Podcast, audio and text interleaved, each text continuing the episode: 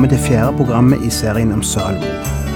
Vi skal i dag begynne å følge Salomo inn i den fasen av livet hans da han begynte å leve mer og mer på sida av Guds ord. Det bare ble sånn, har jeg kalt dagens program.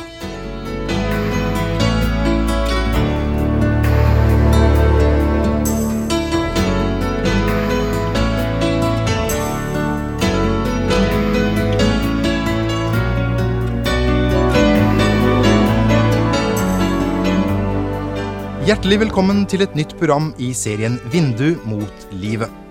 Vindu mot livet er basert på programserien Insight for Living ved Chuck Svindal. Programmet er produsert av Kristen Riksradio og blir ledet av Ola Joland.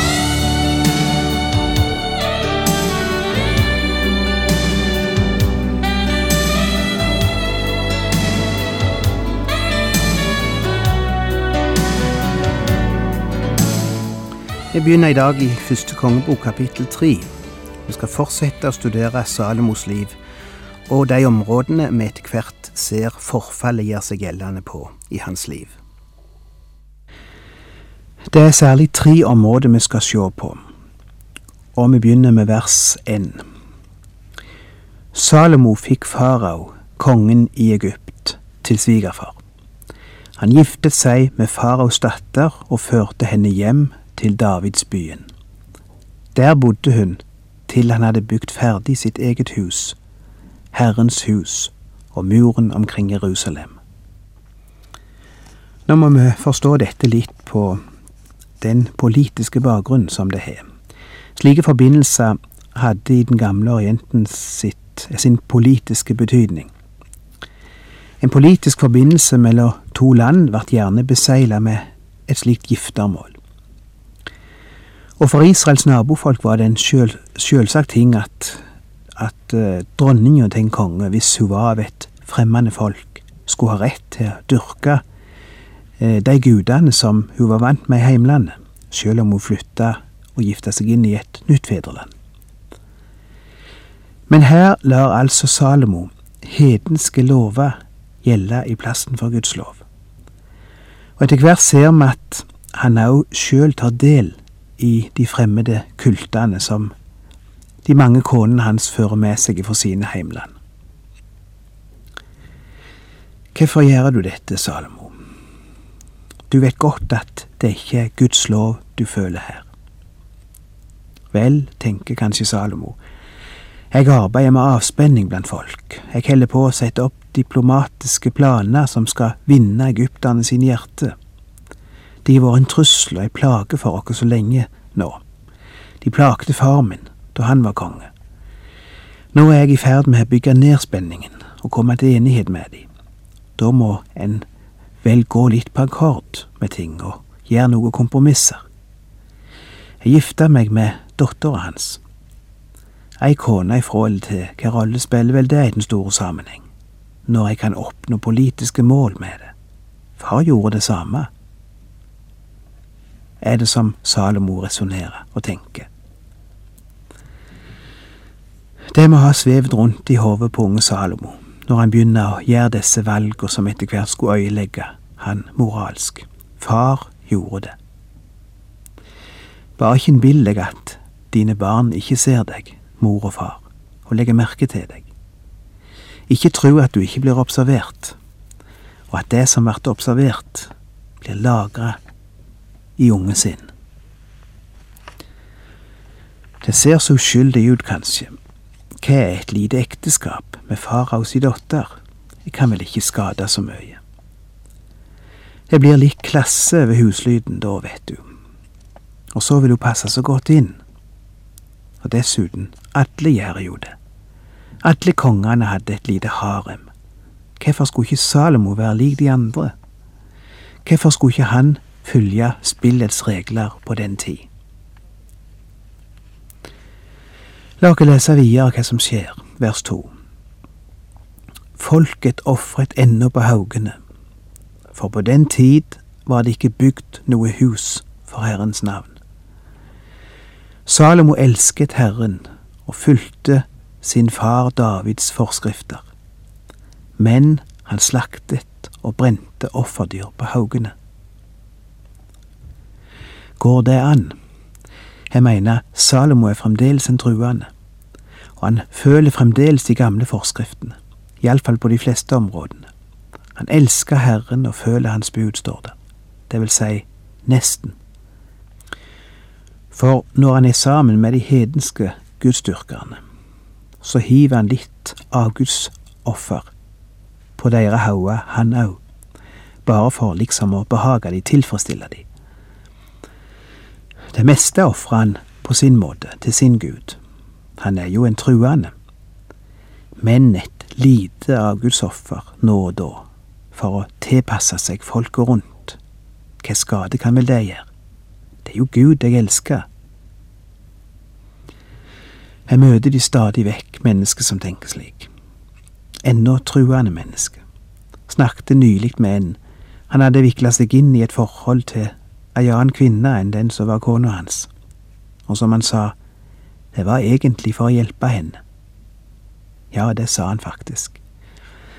Jeg kan ikke gå inn på hva denne hjelpen skulle gå ut på nå, men det var liksom begrunnelsen han brukte for å starte dette forholdet.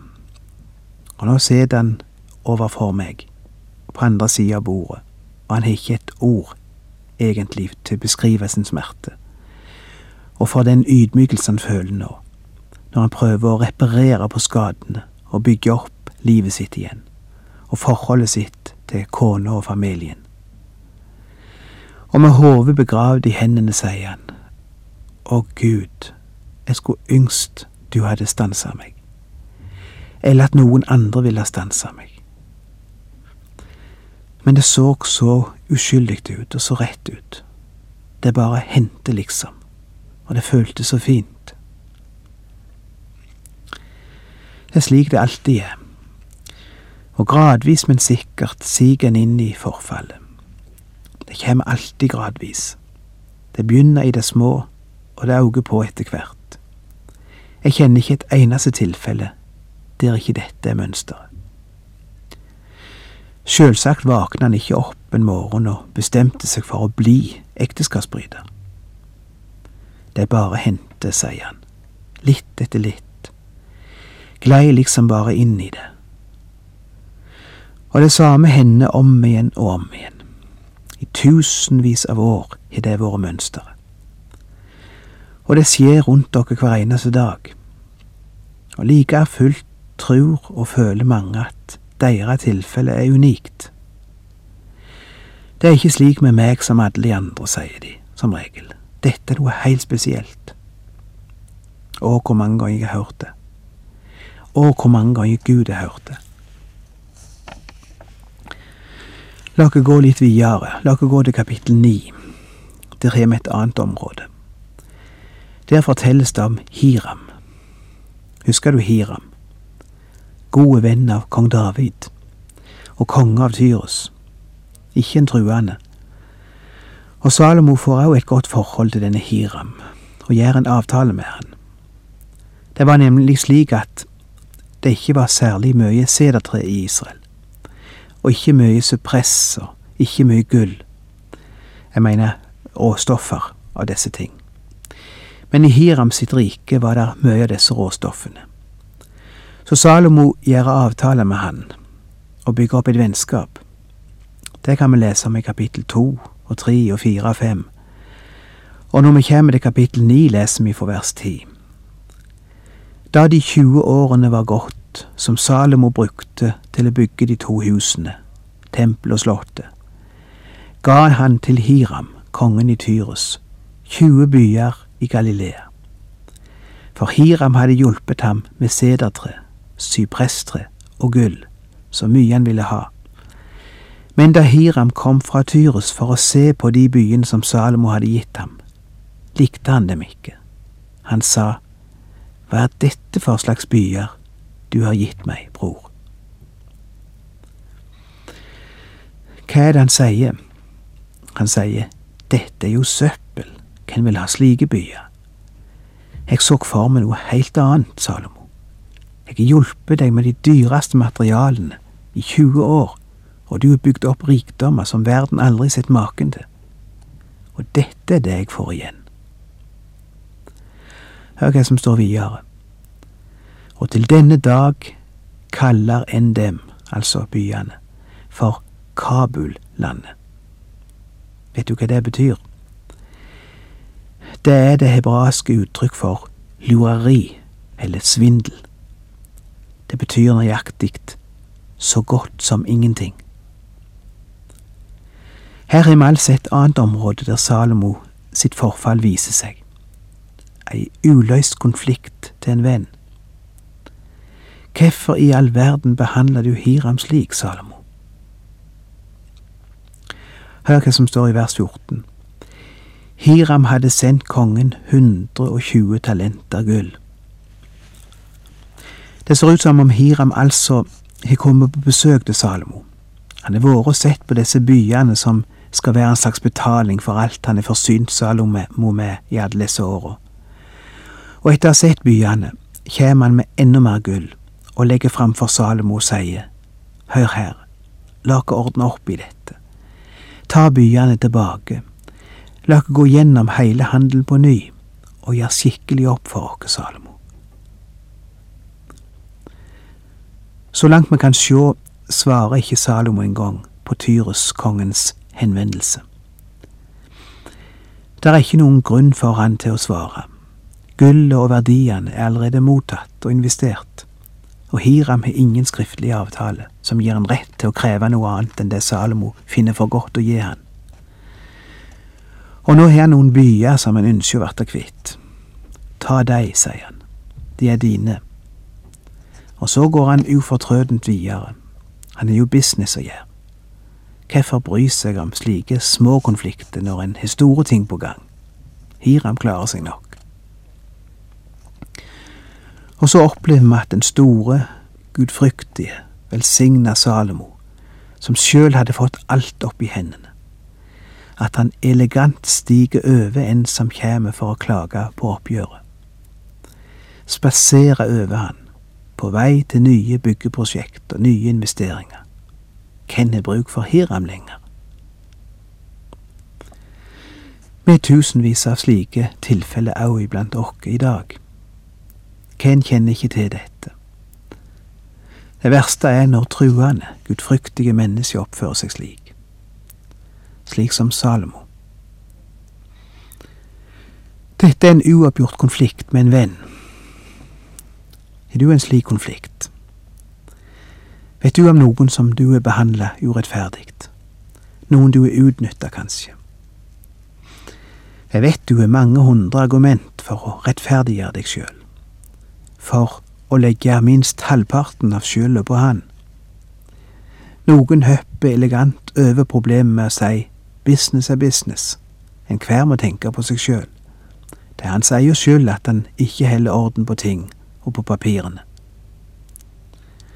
Men innerst inne i samvittigheten din vet du kanskje at du skal få problem den dagen du skal legge regnskapet ditt framfor Gud, og forklare Han hvorfor du handla som du gjorde. Ja da, du kan godt bare la konflikten forbli uløst. Det går veldig godt an.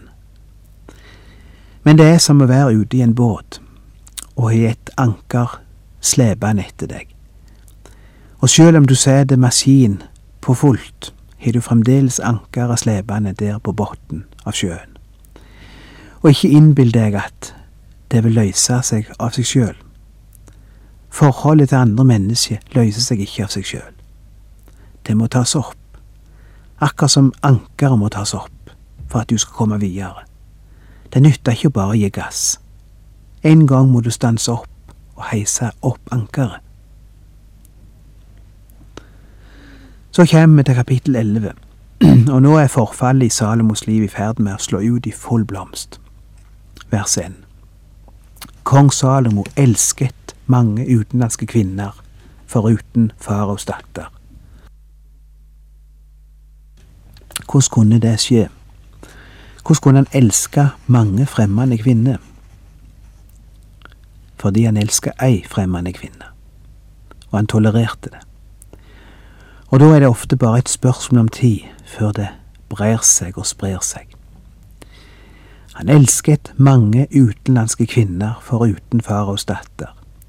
Kvinner fra Moab, Ammon, Edom, Sidom og hittittenes land. De hørte til de folkene Herren hadde talt om da han sa til israelittene, Dere skal ikke blande dere med dem, og de ikke med dere. Ellers kommer de sikkert til å vende hjertene til sine guder. Disse kvinnene holdt Salomo seg til, og dem elsket han. Det er tydeligvis ikke bare proforma forhold dette dreier seg om, altså ekteskap som var politisk nødvendige, som vi snakket om innledningsvis. For her står det disse kvinnene holdt Salomo seg til, og dem elsket han. Et uhemma og ustoppelig jag etter nye seksuelle opplevelser, nye forhold, nye damer. Jeg vet nok at noen ikke liker å få øyelagt sitt bilde av unge, kjekke Samuel på denne måten. Men dette står nå her. Vi kan ikke komme utenfor kjensgjerningene. Vi kan som sagt forklare noe av det rent kulturelt og politisk, men her er det mer enn det. Her kommer det så tydelig fram, det som har vært en av menneskenes sterkeste drifter gjennom alle tider, og som vi ser så tydelig òg i vår tid. Og får bare mennesker kvitte seg med hemningene, med ansvar og hensyn og blyghet, så er visst ikke grenser for hva slags livsstil en kan ende opp med. De tommeste mennesker jeg har møtt, er mennesker som lever en slik livsstil. Som liksom aldri blir tilfredsstilt, aldri når målet. Og denne nydelige, reine akt som vår store skaper la ned i menneska og sette inn i en klar ramme der den skulle nytes og utvikles i renhet og kjærlighet og trofasthet og under ansvar og respekt og verdighet. Den er blitt gjort til ekskrementet, hadde jeg mest sagt. Ja, jeg våger å si det så sterkt. For når du ser de ytterste og mest groteske utslag av råporno, sjå mennesker som er blitt lei, og som er på hemningsløs jakt etter nye opplevelser, så er det som du nesten vil kaste opp. Barneporno, dyresex, sadisme, blod og ekskrementer. Jeg tror kanskje jeg overdriver nå, men noen av dere vet kanskje ikke hva som foregår i de verste utslagene av dette, og hva som er stor business i videobransjen for de som driver med det ulovlig. Og glade kan det kanskje være at de ikke kjenner til det. Nå sier jeg ikke at Salomo var involvert i noe slikt, sjølsagt. Men jeg bare nevner hvor langt mennesket kan tillate seg å gå når det gjelder å øyelegge og forsøple noe som skulle være fint og reint. Iallfall har Salomo kommet langt bort ifra det som var Guds plan med seksualitet og kjærlighet. Og det får meg mesten til å gråte at denne store, gudfryktige, begava mannen er i ferd med å komme så langt bort ifra Guds tanke. Hvordan kunne han havne der, vår kjære Salomo? Det første svaret er ganske klart. Han unnlot bevisst å ta imot veiledning fra Guds ord. Han hadde mer enn nok av veiledning, det var ikke det det sto på. Av ord ifra Gud som fortalte at det han gjorde var galt. For eksempel det ordet vi nettopp las. Om disse hadde Herren sagt, dere skal ikke blande dere med dem, og de ikke med dere. Disse kvinnene holdt Salomo seg til, og dem elsket han, står det. Og klarere kan det ikke sies at dette var et klart brudd på Guds ord. Men Salomo ikke tok hensyn til denne delen av Guds ord. Og i vers seks står der Salomo gjorde det som var ondt i Herrens øyne, og fulgte ikke Herrens øh, her, og fulgte ikke Herren trofast, som hans far David hadde gjort. Var David perfekt da? Og langt ifra. Men det som var Davids problem, var at han falt, og han falt djupt. Men han erkjente, og han gjorde opp. Her er det derimot snakk om en varig livsstil. Og vi skal slutte med å lese noen vers ifra første Korinterbrev. Um, kapittel 10, vers 11.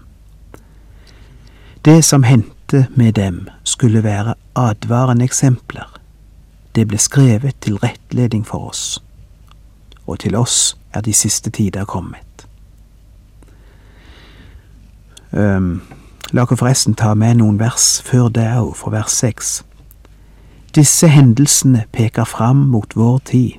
De skal lære oss ikke å ha lyst til det onde som de hadde det. Og vers åtte. Heller ikke må vi drive hor, vi som noen av dem gjorde. Og vers ni.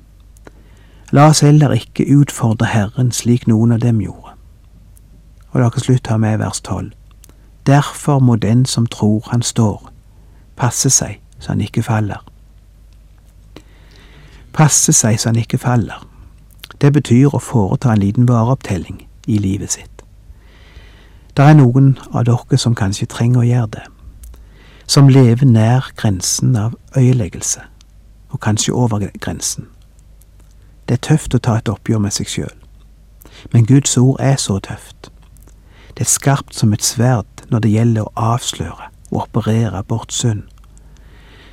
Men du skal komme til å takke Gud som stanste deg, mens det ennå var en vei tilbake. For en vei tilbake er der, òg for deg som er trådt over grensa. Der er tilgivelse, der er oppreisning, der er forsoning.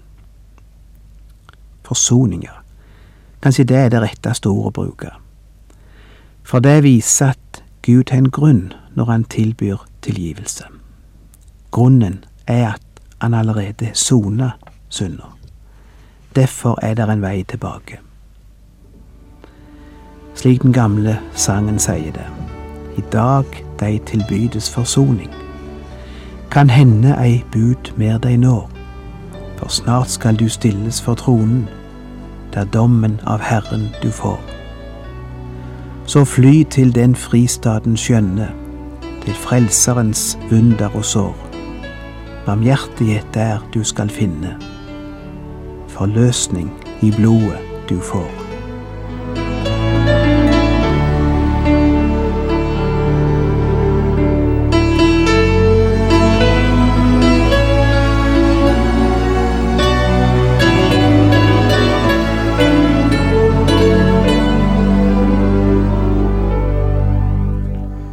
Du har lytta til Ola Bjoland i serien 'Bindu mot livet' fra Kristen Riksradios arkiv. Ola Bjoland var ansatt i Kristen Riksradio til han døde i 2002.